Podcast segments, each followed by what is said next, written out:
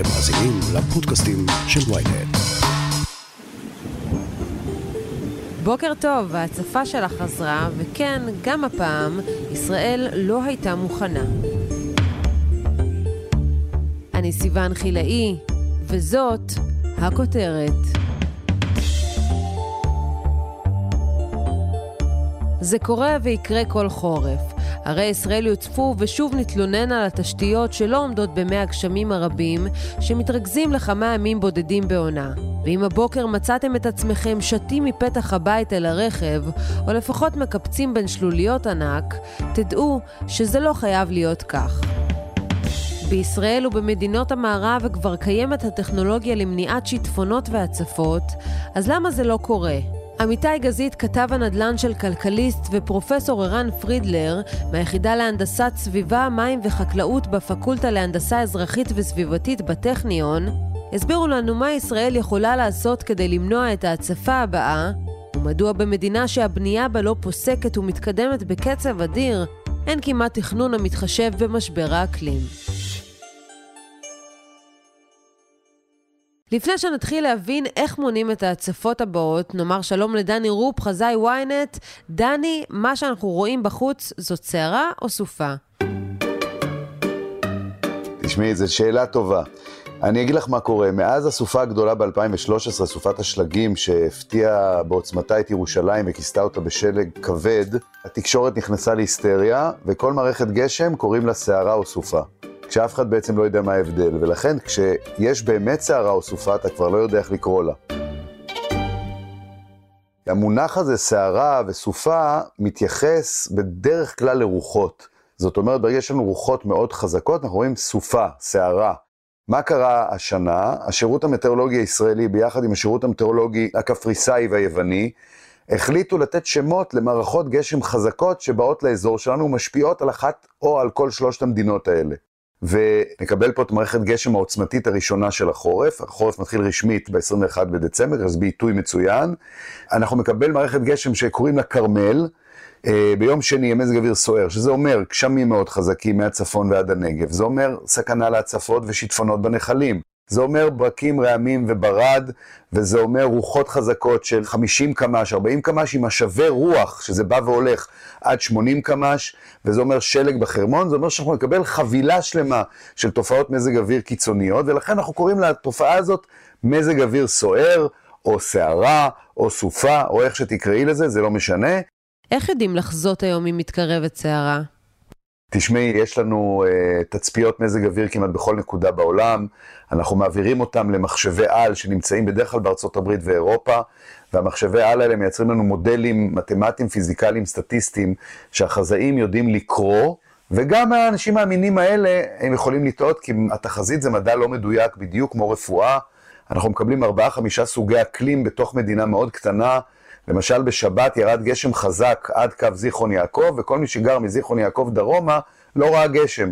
אז אם אתה אומר גשם בצפון בלבד, מה זה הצפון? זיכרון, נתניה, חדרה. כך שלחזות פה מזג אוויר זה דבר מאוד מורכב. המדינה מאוד קטנה, המודלים לא מספיק מתייחסים לאזור שלנו, אין מספיק נתוני אמת מהאזור שלנו, אין מספיק תצפיות.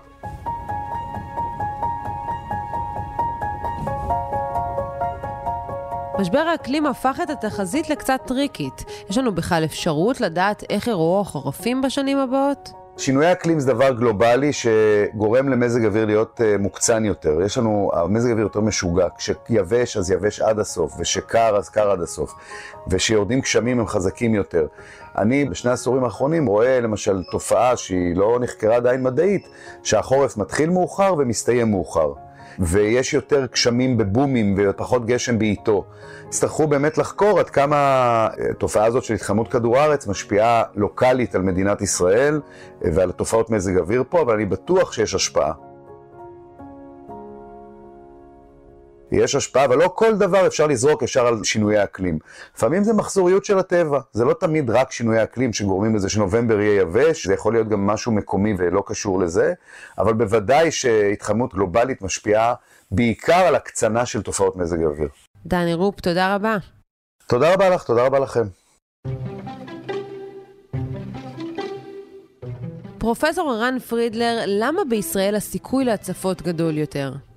בחיפה יורד גשם יותר מאשר בקופנהגן, ואפילו יותר מאשר בלונדון. פחות או יותר אותו סדר גודל, סביב ה-600 מילימטר בשנה, אבל בחיפה זה יורד בכ-60 ימים בשנה, ובלונדון וקופנהגן זה בערך פי שתיים וחצי ב-160 ימים בשנה. זאת אומרת שעוצמות אירועי הגשם מלכתחילה בישראל הן יותר גבוהות. מה שקורה בשנים האחרונות כחלק אה, משינוי האקלים, זה שיהיו פחות סופות של גשם, כמות המשקעים תרד, אבל uh, העוצמות והמשך של הסופות יהיו יותר גבוהות, כך שבכל אירוע גשם בודד ירדו יותר משקעים, וזה מהווה אתגר גדול uh, למערכות הניקוז. במקביל לזה, מה שמאוד ייחודי לישראל, זאת uh, צפיפות אוכלוסייה מאוד גבוהה. מעל 90 אחוז מהאוכלוסייה בארץ גרה באזורים אורבניים, בערים, ו-40 אחוז מהאוכלוסייה גרה במישור החוף. וברגע שיש לנו צפיפות אוכלוסייה גבוהה ויש לנו איור, תהליכי האיור מוסיפים לסיפור של אה, שינוי האקלים בזה שיש פחות ופחות שטחים חדירים במרחבי הערים, בישראל קיימות בעיות רבות בכל הנוגע לניקוז. בערים הוותיקות התשתיות ישנות ולא עומדות במסת הגשמים, ובשכונות החדשות השטחים הירוקים והפורחים שהיו מסביב הפכו למשטחי בטון, כשבדרך כלל תוכניות הבנייה לא מתחשבות בשיקולי הניקוז, שעם השנים דורשות הרבה יותר תשומת לב. ולכן נדרשת פה גישה משולבת. והגישה המשולבת היא היום גישה שמנסים לנקוט בה בכל העולם, יש מדינות שיותר מתקדמות מאיתנו, יש מדינות שפחות מתקדמות מאיתנו, וזה גישה שאומרת על תכנון אה, עירוני נבון מים, או רגיש למים וכן הלאה, כאשר כל הרעיון הוא לנסות לתפוס את הנגר במעלה, לפני שהוא הופך אה, לזרמים גדולים, שבהם קשה לטפל, קשה לתפוס אותם, וכדי לבנות אה, צנרת ניקוז לספיקות מאוד מאוד גדולות, מדובר בהשקעות כספיות אדירות, שכנראה אי אפשר לעמוד בהן. איזה פתרונות חכמים יש היום למניעת הצפות? פתרונות חכמים נוספים זה בורות חלחול, דווקא באזור החוף, שם הקרקע היא חולית. צריך להשאיר אה, אזורי החדרה בכל מגרש. אגב, זה נדרש היום בתכנון ובבינוי, רק שאחרי שהדיירים נכנסים לבניין, מתישהו הם הופכים את אותה גינה למגרש חנייה, ואז יש לנו בעיה. צריך לעשות גינות שהן אה, יהיו נמוכות מהכביש, יהיו מבלעים לזרמי מים עוד במעלה, או אפילו אותם אה, איי תנועה שהם אה, בדרך כלל עם שיחים או דשא, אנחנו מכירים אותם שהם גבוהים מהכביש. אם הם יהיו נמוכים מהכביש, הם יוכלו לקלוט מים, ועוד כהנה וכהנה אמצעים שאפשר לעשות. לאחרונה אני עובד במחקר שדווקא רשות המים מממנת אותו, על נושא של קציר גשם מגגות, כפתרון כפול גם לבעיה של מחסור במים, אבל גם פתרון בהקטנת אה, הנגר שזורם בתוך העיר, כי אם הגגות הם משטחים בלתי חדירים, היום כל המים הם יורדים אה, למערכת הניקוז, אם נאגור אותם ונפעיל אותם בצורה חכמה, אפשר יהיה להקטין את הנגר העירוני.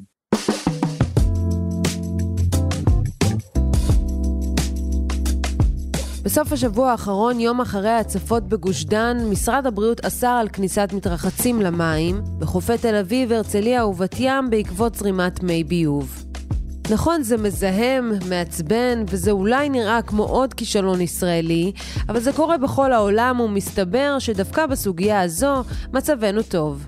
כי המערכות שלנו הן מערכות ביוב נפרדות, כלומר יש לנו מערכת אחת לביוב ומערכת נפרדת לניקוז, ולכן האירועים של אה, תערובת של ביוב עם אה, ניקוז שזורמים לים הם יותר קטנים מאשר באירופה, כי שם המערכות הן מערכות משולבות.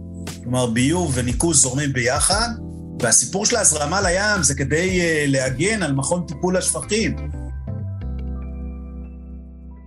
כי אם הזרימות הגדולות האלה יגיעו למכוני טיפול השפכים, התהליך שם שמתרחש, הוא בעיקרו תהליך ביולוגי, יקרוס, ואז המכון לא יתפקד מספר חודשים. אז יש פה ניהול סיכונים, ובאירופה זה מקובל, כאילו מנסים לעשות, אה, להביא את זה למינימום, אבל באירופה, באירועי גשם גדולים, זורמים לנהרות, לנחלים וגם לים, באופן די תדר. אפשר להגדיל את הסף? אפשר, אבל זה בסוף עניין של כסף. יש בזה כמה בעיות בישראל. בישראל לכאורה המערכת היא נפרדת, אבל יש חיבורים, חיבורים לא חוקיים, שמחברים uh, מערכת ניקוז לתוך הביוב, זה לא חוקי, ואנשים עושים את זה. חלק מהאנשים מחוסר ידע, צריך הסברה לזה, חינוך. יש מקומות uh, שזה נעשה במזיד, כדי להימנע מהוצאות גדולות למערכת ניקוז, ויש מקומות שעדיין היסטורית זה מחובר אה, בצורה זו או אחרת, ולכן כדי למנוע הצפה בתוך העיר, כשיש זרימה גבוהה במערכת הניקוז, חלק עובר למערכת הביוב. ואז התוצאה היא תוצאה שזה זורם לים. אז חלק מהדברים זה דברים של אכיפה והמשך של הפרדה של אה, רשתות, וזה להבנתי, זה יהיה יותר זול לעשות את זה מאשר להגדיל מאוד את מכוני הטיפול בשפכים. מיד נמשיך עם הכותרת, אבל לפני כן, הפסקה קצרה. היי, אני משי היד, ואני רוצה להזמין אתכם לאבק פיות, פודקאסט דיסני המצליח ביותר בישראל. לא, זה לא פודקאסט לילדים. בכל פרק נצא למסע נוסטלגי בעקבות הסיפורים הכי מעניינים של חברת האנימציה הגדולה בעולם. הכוכבים המפתיעים שעמדו מאחורי הדמויות של מלך האריות, מולן, אלאדין, פוקהונטס ובת הים הקטנה. הצד האפל מאחורי סיפורי הנסיכות והאבירים, וגם איך המכשפות הפכו לסמל סקס. חפשו אבק פיות בוויינט או באפליקציית הפודקאסטים האהובה עליכם.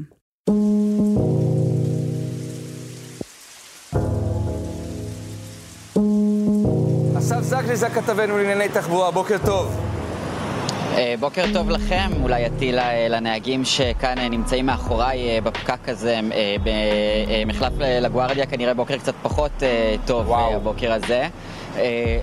כן, בעצם אנחנו... בעבר התחזיות היו שנחל איילון יוצף אחת למאה שנים. עם הזמן המספר ירד לאחת לחמישים שנה, אלא שבמבחן המציאות נראה שמדובר בהרבה פחות. בינואר 2008 מומחה לניקוז התריע שההסתברות להתרחשות שיטפון באיילון, שהביא לסגירת ציר התנועה לנסיעת כלי רכב, גדולה מזו שצפו המתכננים לאורך השנים. אך מה ישראל עשתה מאז אותן התראות?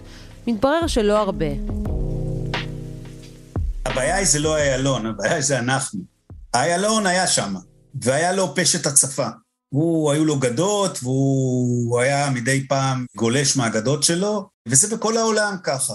רק מה קרה? אנחנו התיישבנו על הגדות, ובמקום שהוא יהיה נחל טבעי, הוא נחל uh, בצורה של מלבן, עשוי בטון, יחסית מאוד מאוד חלק, אז הזרימה היא יחסית מהירה. יש לנו מצד אחד גם uh, עלייה בעוצמות ובמשך אירועי הגשם הבודדים, עלייה באיור, וצריך למצוא לזה פתרון, כאילו אם לא יהיה פתרון, אנחנו נראה עוד ועוד הצפות.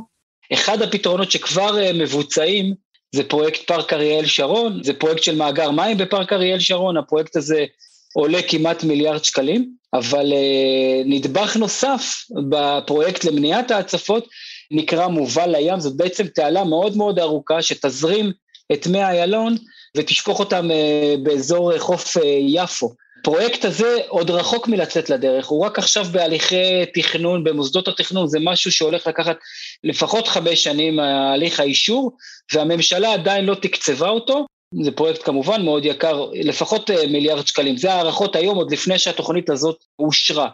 אה, ככה שיש פרק זמן שאנחנו עדיין לא יודעים מהו, שבו אה, אנחנו נהיה חשופים להצפות, בלי שהפתרון עדיין מושלם.